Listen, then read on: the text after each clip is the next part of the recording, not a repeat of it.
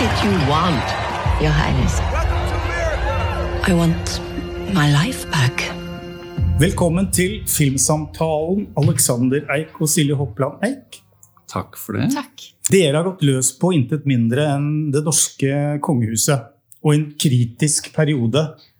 En kritisk fase av det norske kongehusets historie og landets historie, når vi følger altså, kronprinsesse Märthas flukt til USA under den innledende fasen av annen verdenskrig, da tyskerne okkuperte Norge. Altså, det finnes ikke så mange kilder til hva som skjedde da Märtha innledet sitt vennskap med president Roosevelt i tilknytning til Det hvite hus, og når hun oppholdt seg der. Kanskje begynne der. Altså, hvilke kilder er det dere har støttet dere på? Og det er kanskje en fordel å ikke ha for klare kilder innimellom, for da kan man jo på en måte dikte litt. Ja, du har kanskje rett i det. Jo færre kilder, jo mer dramatisk lisens kan vi ta oss. Nei, vi har jo gjort en research på Altså, vi har holdt på i seks-sju år å researche akkurat disse tingene, og det her er kanskje det mest brennbare spørsmålet av de alle. Hva slags relasjon hadde kronprinsesse Märtha og Franklin D. Roosevelt? Og der har vi jo vært overalt. Vi har vært i USA, vi har snakket med folk som eh, kjente Martha og husket henne. Vi har snakket med barnebarna til eh, Roosevelt. Og eh, selvfølgelig lest alt vi har kunnet få tak i av personlige brev, dagbøker til folk nært kronprinsessen og alt som finnes av litteratur, selvfølgelig. Så det har vært en ganske omfattende eh, prosess for å komme fram til et punkt hvor vi kunne begynne å dikte. Da. Og ikke minst for deg. altså Du er forfatter og serieskaper og regissør. Noe mer hands on blir det vel kanskje ikke? Nei, jeg er jo til og med gift med produsenten. Ja, jeg, jeg skulle til å nevne det. Så du gikk fram som en historiker med en litt mer utvidet license to dikte fritt? Mm. Ja, altså Ikke fritt, kanskje. Problemet, altså Kanskje hovedutfordringen på dette prosjektet har jo vært at det var skrevet så veldig lite om kronprinsesse Märtha fra før. Hun er jo mest en bifigur i biografier om kronprins Olav eller kong Haakon den syvende. Så det lille som vi kunne finne av publisert litteratur, så er hun en veldig sånn fjern skikkelse som blir veldig beskrevet med veldig sånn behørig avstand og, Mm. og eh, respekt og rojal etikette. Så det å liksom komme tett på kronprinsesse Märtha, som er vår hovedperson, det var nok den aller største utfordringen. Derfor tok jo også den researchen så veldig lang tid. Så det har vært mer en slags sånn eh, kombinasjon av gullgraverarbeid og detektivarbeid, hvor vi har liksom vasket enorme mengder med informasjon for å finne noe vi kan holde tak i. Og så finner man plutselig noen små gullklumper som eh, kaster lys inn i et rom som har vært helt mørkt. og så går årene, og så til slutt sitter man med mange nok sånne biter. da. Er Sikkert flere enn man kan ha plass til. Absolutt, det er en helt annen historie, men i hvert fall kom vi til slutt til et punkt da, hvor vi hadde så mange brikker i puslespillet at vi kunne begynne å se ok, hva er det vi mangler, altså hva er det som kan ha vært i de brikkene vi ikke har. Men hvordan startet det her? Har dere sånne samtaler over frokostbordet at liksom en dag så sa en av dere ja, hvorfor ikke gå løs på kongehuset? Jeg tror det begynte med at eh, Alexander hadde lest Jeg vet ikke om det var en artikkel, eller om på en eller annen måte hadde det kommet over at eh, det hadde vært en eller annen form for relasjon mellom eh, kronprinsesse Märtha og president Roosevelt. Og jeg ble jo selvfølgelig umiddelbart interessert, fordi jeg tenkte oi, dette er jo veldig spennende. En prinsesse og en amerikansk president, ja, men hva, hva er historien her? Pluss at jeg hadde veldig lite forkunnskaper om kronprinsesse Märtha. Jeg ante ikke at hun gjorde noe for Norge egentlig under krigen. Så eh, etter hvert som eh, Alexander begynte å undersøke den historien nærmere, så ble jeg jo mer og mer interessert, fordi at jeg opplevde at det var en eh, heltinnehistorie. En veldig spennende historie om en kvinne som gjorde utrolig viktige ting for Norge under krigen. Som jeg ikke kjente noen ting til, og som jeg regnet med andre ikke hadde hørt om òg. Men de fleste ekteskap mellom europeiske kongelige gikk jo for å være sånn arrangerte nyttesekteskap, at det skulle oppstå allianser osv. Men Olav og Märtha ser ut til å ha et nært forhold og elske hverandre. Men dere var jo på en måte nødt til å altså Gjør dere det litt mer romantisk enn det det var? Altså, Kronprins Olav og kronprinsesse Märtha kjente hverandre fra barnsben. Ja. De var jo samme familie. Altså, her var jo alle kongehusene inngiftet med hverandre i århundrer. Men all vår research tyder på at, og det er vel ingen som egentlig er uenig i det, at det var et kjærlighetsekteskap. Altså, de fant hverandre relativt sent. da. Mm. eh, Og kritiserte hverandre over en periode. Jeg er ganske sikker på at de to var oppriktig glad i hverandre. Som serieskapere må dere jo Dere er nødt til å ta dere dikteriske friheter, som vi var inne på. Men hva er den største friheten dere har tatt dere? Oi, største friheten er vel egentlig alt Det kommer sikkert til å bli diskutert, hva som er den største friheten, men Ja. eh, Nei, altså Vi har jo eh, forsøkt å være veldig tro mot de historiske omstendighetene.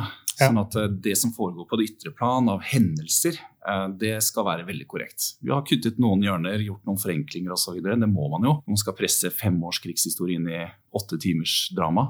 Men du kan si alt som foregår innenfor de fire vegger, altså de private samtalene, er jo ting vi har diktet. mm. Og jeg må jo bare si at eh, Atlantic Crossing er jo ikke en dokumentar, det er jo fiksjon. Ja. Vi har diktet, men det har vært veldig viktig for meg å forankre det vi har diktet i noe som jeg selv tror på kan ha vært et sannsynlig scenario. Mm. Sånn at når du ser at de diskuterer ting, eller at de er uenige eller krangler, eller det er konflikter, så er det basert på grundig research. Det er basert på som sagt, alle de brikkene vi har rundt som peker inn mot hva som kan ha skjedd der inne. Jeg sier ikke at det skjedde akkurat sånn, men det kan ha skjedd sånn. Du lar kronprins Olav innta for et kort øyeblikk en, kanskje en mer sentral rolle i motstandskampen enn han hadde. Norske krigshistorikere og kongehushistorikere er jo nidkjære. Det er de jo kjent for. Så forventer dere litt sånn kjeft? Ja, vi forventer kjeft. Når det gjelder kronprins Olavs rolle, så føler jeg at den er veldig i tråd med Altså, jeg syns det er en ærlig fremstilling av hvordan han eh, Den, så på det. ja, den ligger jo egentlig ganske tett opp til uh, framstillingen i Kongens nei, Ja, kan man si. det. Altså, det, si det, ja. det er ikke noen store forskjeller Nei. egentlig sånn sett. Det er, det er den samme Olaven i Kongens nei som du blir kjent med Mm. i og det er jo basert på den samme Olaven, så det burde jo også være sånn. Når det er sagt, så syns jeg det var veldig interessant å finne ut hvordan Olav så på seg selv først og fremst som militær når krigen brøt ut, og før krigen brøt ut. Han og, og kong Haakon var jo begge militære av utdannelse, og det var der hans uh, identitet lå. da. Så når krigen brøt ut, så var det veldig viktig for Olav Og dette er et poeng som ikke, heldigvis ikke kommer frem i Kongens nei, men som, som jeg mener er helt sentralt i den relasjonen mellom kronprinsen og hans far. Nemlig at kong Haakon var jo folkevalgt. Han var jo valgt av folket da han ble innsatt som konge i 1905 så var det etter at han insisterte på at det skulle bli avholdt en folkeavstemning. Så han er kanskje verdens eneste folkevalgte monark. Mens eh, kronprinsen han arver jo denne tittelen. Han følger jo med som en nisse på lasset, som jeg får ham til å si der. Ja. Og um, Derfor så tror jeg det var veldig viktig for kronprins Olav å vise sin verd. Vise folket at nå når det virkelig regnet på, nå, nå når det gjaldt, så skulle han ikke sitte passivt og være en eh, gallionsfigur. Eh, han skulle handle aktivt. Og han prøvde jo flere ganger å F.eks. han ønsket jo å besøke fronten og vise seg for soldatene, vise liksom at han var der. Det fikk han jo blankt nei fra far og regjeringen. Han ønsket å bli igjen i Norge når regjeringen og kongen skulle dra til England. Der fikk han så blankt nei. Han ville vise at han var et pant på fortsatt motstand, ikke sant? sånn som eh, general Ruge i stedet ble. da. Men det var blankt nei. Og eh, da Olav reiser for å besøke general Ruge, eh, jeg tror det var på Rena leir, så er han da borte fra kongen den eneste gangen han er borte fra kongen eh, i et lengre strekk under flukten nordover. Våre kilder har jo vist at da var jo kong Haakon helt fra seg. Altså virkelig et nervevrak i de timene Olav, eller den dagen Olav var borte. Så det var veldig viktig for kong Haakon å holde Olav tett. Og han skulle ikke få lov til å være så aktiv. Så når dette forslaget om at kronprinsen skulle bli forsvarssjef, når det kommer opp i statsråd, og dette var jo Hambro, stortingspresidenten, som først kom med den ideen, støttet av bl.a. Ruge og forsvarssjefen og statsministeren selv, så blir det stemt ned i statsråd. Og det var nok veldig mye fordi kong Haakon selv mislikte den ideen veldig. Han var jo redd for at noe skulle skje med Olav. Han var jo den eneste sønnen og eneste arvingen til tronen, så det var veldig viktig å beskytte Olav da, midt i det hele. Jeg merker at du er godt forberedt til å kunne spare med de historikerne som kommer til å gå løs på deg etter hvert. Så Det, det tror jeg han er. Og um, det har jo vært gjort utrolig mye research, og jeg tenker bare at eh, det vil alltid være noen historikere som oh, ja. kan kritisere for noe. Og jeg bare håper at publikum kan nyte, nyte historiefortellingen. Ja, ikke sant. Ja. Og hvis vi skal gå tilbake til, altså, Serien handler jo ikke bare om en nasjon som prøver å manøvrere seg gjennom et uh, farlig farvann, men altså Märtha, en prinsesse. Og det tar jo tid. Akkurat som nasjonen tar tid på å liksom finne ut hva den vil, så tar det også tid for hennes del. Når innså hun at hun måtte handle? Hun var jo ikke dum. Hun innså jo selvfølgelig at hvis hun kunne komme på godfot med selveste presidenten i USA, så var jo det en unik mulighet. Det kan jeg ikke svare på, Nei. for det vet jeg ikke. Um, Hun hadde tydeligvis næringsvett. ja, Men spørsmålet er om var det etter oppholdet i Sverige, hvor hun ble tatt imot ganske sånn delvis kjølig av det svenske ko- kongehuset, og, skjønte at hun egentlig var på alene? Ja, altså Det at hun havnet i USA, var jo på mange måter litt tilfeldig. Men hun må jo ut av Sverige. altså Det er jo kong Haakon og, og kronprins Olav veldig klare på når de skjønner hvor nazivennlig Gustav 5. er. Og når de også får vite etter hvert at eh, den svenske regjeringen tillater tyskerne å transportere tropper Nå snakker jo du som en historiker. Du, Ja, men, du er nøye og detaljert. Ja, det blir så detaljert. Mens, Nei, jeg, men altså, mens jeg tenker at de to, far og sønn, de, Ja. de sitter jo liksom, hva skal vi si, amputert i London, i avmakt egentlig. Ja. Mens hun er der det ja, skjer, og hun, og hun utnytter den muligheten. Ja, det gjør hun. Og det er klart at eh, hun, altså hun var intelligent. Veldig intelligent. Og hun var veldig sosialt intelligent. Hun var av den typen eh, menneske som kunne få deg til å tro at du selv hadde fått en idé, når det egentlig var hun som kanskje forsiktig hadde ymtet frempå og styrt samtalen i den retningen. Og det ble også sagt at hun hadde jo også den påvirkningskraften på president Roosevelt. Mm. Han eh, fant i henne en god samtalepartner og en veldig empatisk lytter. Hun var jo ofte beskrevet som nettopp veldig empatisk, en menneskekjenner, en som ikke gjorde forskjell på eh, Jørgen Hattemaker og, og presidenten osv. Så, videre. så at hun klarte å manøvrere sin agenda eh, ganske diskré og på en god måte, det, det er alt tyder på at hun gjorde det. Mm. Men jeg tror jo også at eh, den norske regjeringen i London i det øyeblikket presidenten sender et skip for å hente kronprinsesse Märtha over til USA, og de blir invitert til å bo i Det hvite hus, så tenker de her har vi vår gylne sjanse. Nå gjelder det. Sånn at hun har fått også instrukser om å gjøre det hun kan for å påvirke presidenten på et tidspunkt hvor USA selvfølgelig ikke er en del av krigen og ønsker ikke å være en del av krigen. Han sto midt oppe i en valgkamp hvor han lovte velgerne at eh, vi skal være nøytrale, vi skal ikke blande oss i europeernes krig osv. Så, videre. så har hun altså som en slags oppdrag, ikke bare ut fra egenvilje, men også på vegne av regjeringen, å påvirke presidenten til å få USA til å støtte de allierte da, i krigen mot uh, nazistene. Og så kommer jo tusenkronerspørsmålet hvor nært forhold hadde de? Hvor nært forhold? Helt. Det har Veldig tatt meg så mange år. Ja, veldig nært forhold. Ja, men de hadde et veldig nært forhold, det er ingen tvil om. Ja, du kan jo. Ja, nei, jeg bare tenker at eh, sånn apropos, fordi eh, det er jo faktisk et av de spørsmålene vi oss imellom har diskutert Ja. veldig mye.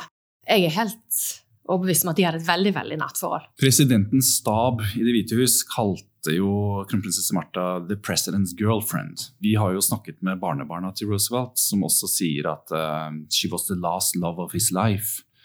Og det er også eh, Gore Vidal, en amerikansk historiker, 'she was the love of his life', har det blitt sagt. Og at han var fullstendig på hælene etter henne og fortapt i henne, det kunne jo til og med britisk etterretning melde tilbake til London. At det eneste han tenkte på, liksom var hvordan han skulle komme tettere på Märtha. Så det er det ingen tvil om at han hadde veldig varme følelser for henne. Og at de tilbrakte masse tid sammen. Altså, det kan vi dokumentere. At det er ingen person president Roosevelt tilbrakte så mye tid med på fritiden. Han var jo hos henne støtt og stadig. Han hadde med seg når han fikk gjester fra ut- eller innland. Churchill, f.eks. Hver gang Churchill var på besøk i Washington, så dro de ut til Märtha på Pooks Hill, som lå en halvtime bare fra Det hvite hus, og hadde middag der og brukte det som sosial arena. Så hun var veldig deltakende. Så bare gudene vet hvor mange tråder hun trakk i. Veldig mange tråder.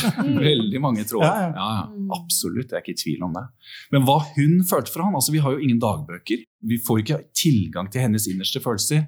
De private brevene eh, som vi har funnet, de bærer veldig preg av at hun er klar over at disse brevene kan bli lest av andre senere, eller kanskje snappet opp eh, underveis. Altså, det er veldig lite liksom, sånne saftige, juicy ting som kommer Mm. fram liksom, selv i de private brevene. Da. Men at det var en varm tone, definitivt. Å skrive et manus til en serie er nå én ting, og så er jo hele dette apparatet Nå husker jeg ikke helt budsjettet, men det er jo et høyt budsjett. Det er et hemmelig budsjett. Det er et hemmelig kan- budsjett, ja. Det er derfor jeg ikke vet det. Ja, jeg kan bekrefte at eh, det er høyt. Ja. Altså, det har tatt mange år å utvikle et manus, en historie, men det tar tid å sette sammen en finansieringspakke til noe sånt. Hvordan har det forløpt seg? Det har vært eh, en veldig, veldig spennende reise, både oppturer og nedturer. Det er klart at Alt begynte jo med å få eh, NRK skikkelig bekreftet på prosjektet, at de ville ha det. Det var jo det absolutt viktigste. Og, eh, Men Var det etter at Helin hadde takket ja, eller, eller når kom stjernene inn? Ja, for vi var, vi var i et utviklingsforløp med, med NRK i, i halvannet år cirka, før eh, vi ba de om å bekrefte at nå vil vi gå til produksjon. Eh, og da var Sofia Helin faktisk allerede på eh, i rollen som Märtha. Eh, men vi visste ikke hvem som skulle spille president Roosevelt på det tidspunktet.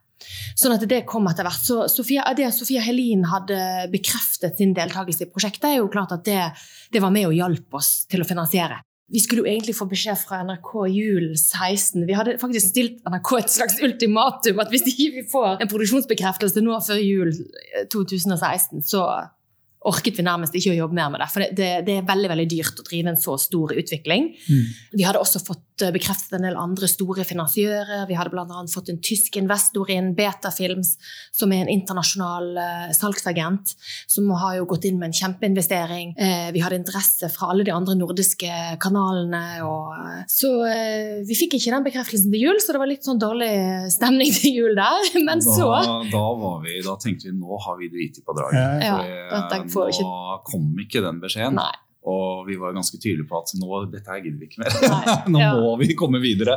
Så det var jo eh, det ikke selvfølgelig en skikkelig nedtur. Ja. Så de, men de kom tilbake i NRK, da, så de ignorerte de- egentlig bare trusselen? Jeg tror de ignorerte trusselen og tenkte at vi er jo NRK, så vi kan jo bare vi, Jeg husker de sa til meg at vi kan jo ta denne serien når som helst, men vi var jo sånn ja, men vi må jo produsere det nå. på en måte, Så der var vi litt. Men eh, heldigvis, eh, et par måneder senere i februar, så var de villige til å bekrefte sin investering, som igjen gjorde at jeg kunne bekrefte alle de andre interessentene vi hadde hatt.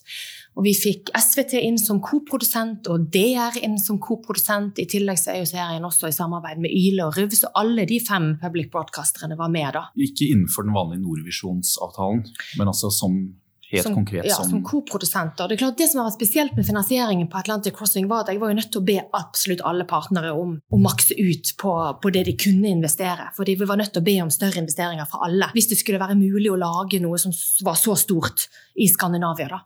Det er jo den dyreste dramaproduksjonen som jeg eh, har hørt om, i hvert fall. Og, og for å få til det nivået, så var vi jo nødt til å eh, ja, ha mange samarbeidspartnere. Så vi er vel oppe i en rundt elleve hovedpartnere, opp til 15 finansiører totalt. Da har vi jo også fått eh, maks ut av alle nasjonale fond, både NFI, Nordisk film- og TV-fond, eh, Creative Europe, Media osv. Høres ut som fryktelig mye papirarbeid. Det er ekstreme mengder papirarbeid og utrolig mye administrasjon rundt, eh, rundt det. Det er det jo. Ja. Så sånn sett er jo det sikkert lettere for The Crown som jobber med Netflix. Hvor de Er det ikke sånn liksom Netflix jo bare 'her har du pengene, Ja. gå i gang'? Just do it, liksom. Mm. Nei, her er det jo masse mellomfinansiering, f.eks. Mm. En ting er å få gjort alle avtalene, men så vil jo de gjerne betale senere. Eh, mange vil betale når du leverer programmet, og da må vi ha en mellomfinansiering som kan liksom gi oss penger underveis i produksjonen. Mm. I tillegg så jobber vi jo med tax rebate både i, eh, i Tsjekkia og i andre land. Og jeg har også søkt lokale fond nede i Valonia, i Belgia og alle mulige andre steder. Så her har vi grapt sammen alt som er finansiering på europeisk basis altså, for å rett og slett få til dette. Så det er klart det har jo krevd en kjempeinnsats. Ikke, ikke bare fra meg, men fra hele mitt team. Altså, vi var jo fire produsenter i fullt arbeid her på et tidspunkt. Så Ja. Du nevnte The Crown, og en vesentlig karakter i Crown er jo Du trenger hva skal vi si, et hus eller noen bygninger, noen staselige bygninger. Eh, Man får jo ikke tilgang på det norske kongehuset eller det svenske. Har dere funnet noen sånne gamle slott i Øst-Europa, eller hvordan er det? Ja, Når det gjelder det norske slottet, så var det jo veldig enkelt. fordi Ja, vi har jo rett og slett ingen scener fra det norske slott. Eh, Vi er jo mest på Skaugum, i kronprinsparets bolig der. Ja, da var det jo å finne locations i Norge og Tsjekkia Mm. eh, som kunne matche så godt som mulig. da. Nå er det jo så heldig at i Tsjekkia så har man 1000 slott, faktisk. 2000 slott. Uh, de siste 1000 er ruiner. Men de har 1000 slott med tak som man kan gå inn og filme i. ja, ja, det bra. Uh, så, så, det var jo Jeg begynte å scoute locations der i 2016. Kjørte Tsjekkia på kryss og tvers. Jeg vet ikke hvor mange titusener kilometer jeg har sittet i bil. Men vi fant, uh, fant det vi skulle ha. Og når det gjelder eksteriører, f.eks. Det hvite hus og Skaugum og en del andre sånne kjente eksteriører, så har vi jo enten da filmet uh, de ekte stedene som etableringsbilder, eller så har vi gjenskapt det i VFX. da. Fordelen med både det norske kongehuset og Skaugum og for så vidt Det hvite hus er at det er jo ikke spesielt imponerende sto store bygninger. Det er liksom ikke Buckingham Palace. Nei. Nei. Vi har forsøkt å ha litt fokus på å skape noen miljøer som er litt store, da. Ja. Eh, F.eks. interiørene på Buckingham Palace syns For jeg det ble forventer jo fantastiske. seerne, ikke sant? Ja. Men Vi fant jo ikke ett sted i Tsjekkia som så ut som Buckingham Palace, men vi fant kanskje fire forskjellige slott som hadde ett rom hver som kunne være i den Mm. stilen. Sånn at når du ser liksom kronprins Olav og kong Haakon eh, gå gjennom eh, Buckingham Palace, så er det liksom idet de svinger rundt hjørnet, så altså, da har de kanskje gått gjennom fire forskjellige locations som er skutt på fire helt forskjellige steder med kanskje flere måneders mellomrom. Men alt for å prøve å få til en, eh, en illusjon som skulle være troverdig. At det skulle se ut som den britiske stilen som de har, da, og ikke som et sånn østeuropeisk slott. Det hadde ikke funka så bra. Og så er det jo også bruk av VFX i mange av disse her locations som du snakker om nå, bl.a. Det hvite hus, da. Mm. Hvor, eh, altså eksteriørene spesielt. Sånn at det, det er jo veldig mye som er laget i sin helhet i Altså digitalt, rett og slett. Som ikke er virkelighet i det hele tatt. Når det gjelder interiørene i Det hvite hus, så har vi bygget det. da. Ja. Det ovale kontor og korridorer og forværelser og møterom og bibliotek og den private delen av Det hvite hus. Alt det var bygd i studio. Det ovale kontor bygget jo i én-til-én-størrelse Ja. med veldig stor eh, historisk korrekthet. Ja. Eh, så vi hadde jo noen kjempestudiofasiliteter nede i Barandov Studios der i, Mm. Praha. da. Så, altså, det er det en eksakt kopi basert på fotografier fra 40-tallet. Hvordan de hadde det. Så det ligger veldig tett opp til sånn som det var da. The Crown er jo en serie veldig mange følger på Netflix, og utmerker seg jo med grandiose omgivelser og, og mye glamour. Men også en viss sånn altså den, den, den sparker jo de kongelige på skinnleggen relativt ofte. Nå vet jeg ikke om de britiske kongelige egentlig merker det. Altså, de kommenterer jo ikke disse seriene i det hele tatt, de er hevet over det. Men hvor vil dere plassere Atlantic Crossing? De kongelige fremstilles som sympatiske, syns jeg. De føler ikke at dere, har, dere logrer for mye for de kongelige. Nei, nå har jo vi Jeg sier ikke at den gjør det. Bare, Nei, Du har jo ikke sett de fire siste episodene. Vi kaller dere ikke det. Nei, nei. Ah, det er et bra begrep. Uh, nei, vi, vi har jo vært helt uavhengige av det norske kongehuset når vi har utviklet det prosjektet her. Når det er sagt, så føler vel jeg personlig at det norske kongehuset kommer i hvert fall ikke svekket ut av enden på denne serien her. Tvert imot. Altså, vi har vært veldig respektfulle overfor eh, det faktum at dette er mennesker som har levd, og noen fremdeles lever. Altså, Kong Harald var jo tre år eh, og er en karakter i denne historien da denne historien begynner.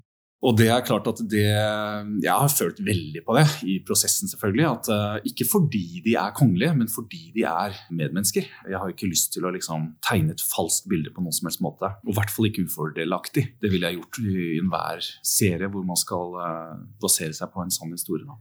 Og det har jo heller ikke vært nødvendig kan du si, i denne historien, fordi at dette her handler jo i stor grad om kronprinsesse Märthas reise og alt som hun går gjennom, og ikke minst hva hun gjør eh, for Norges sak i USA.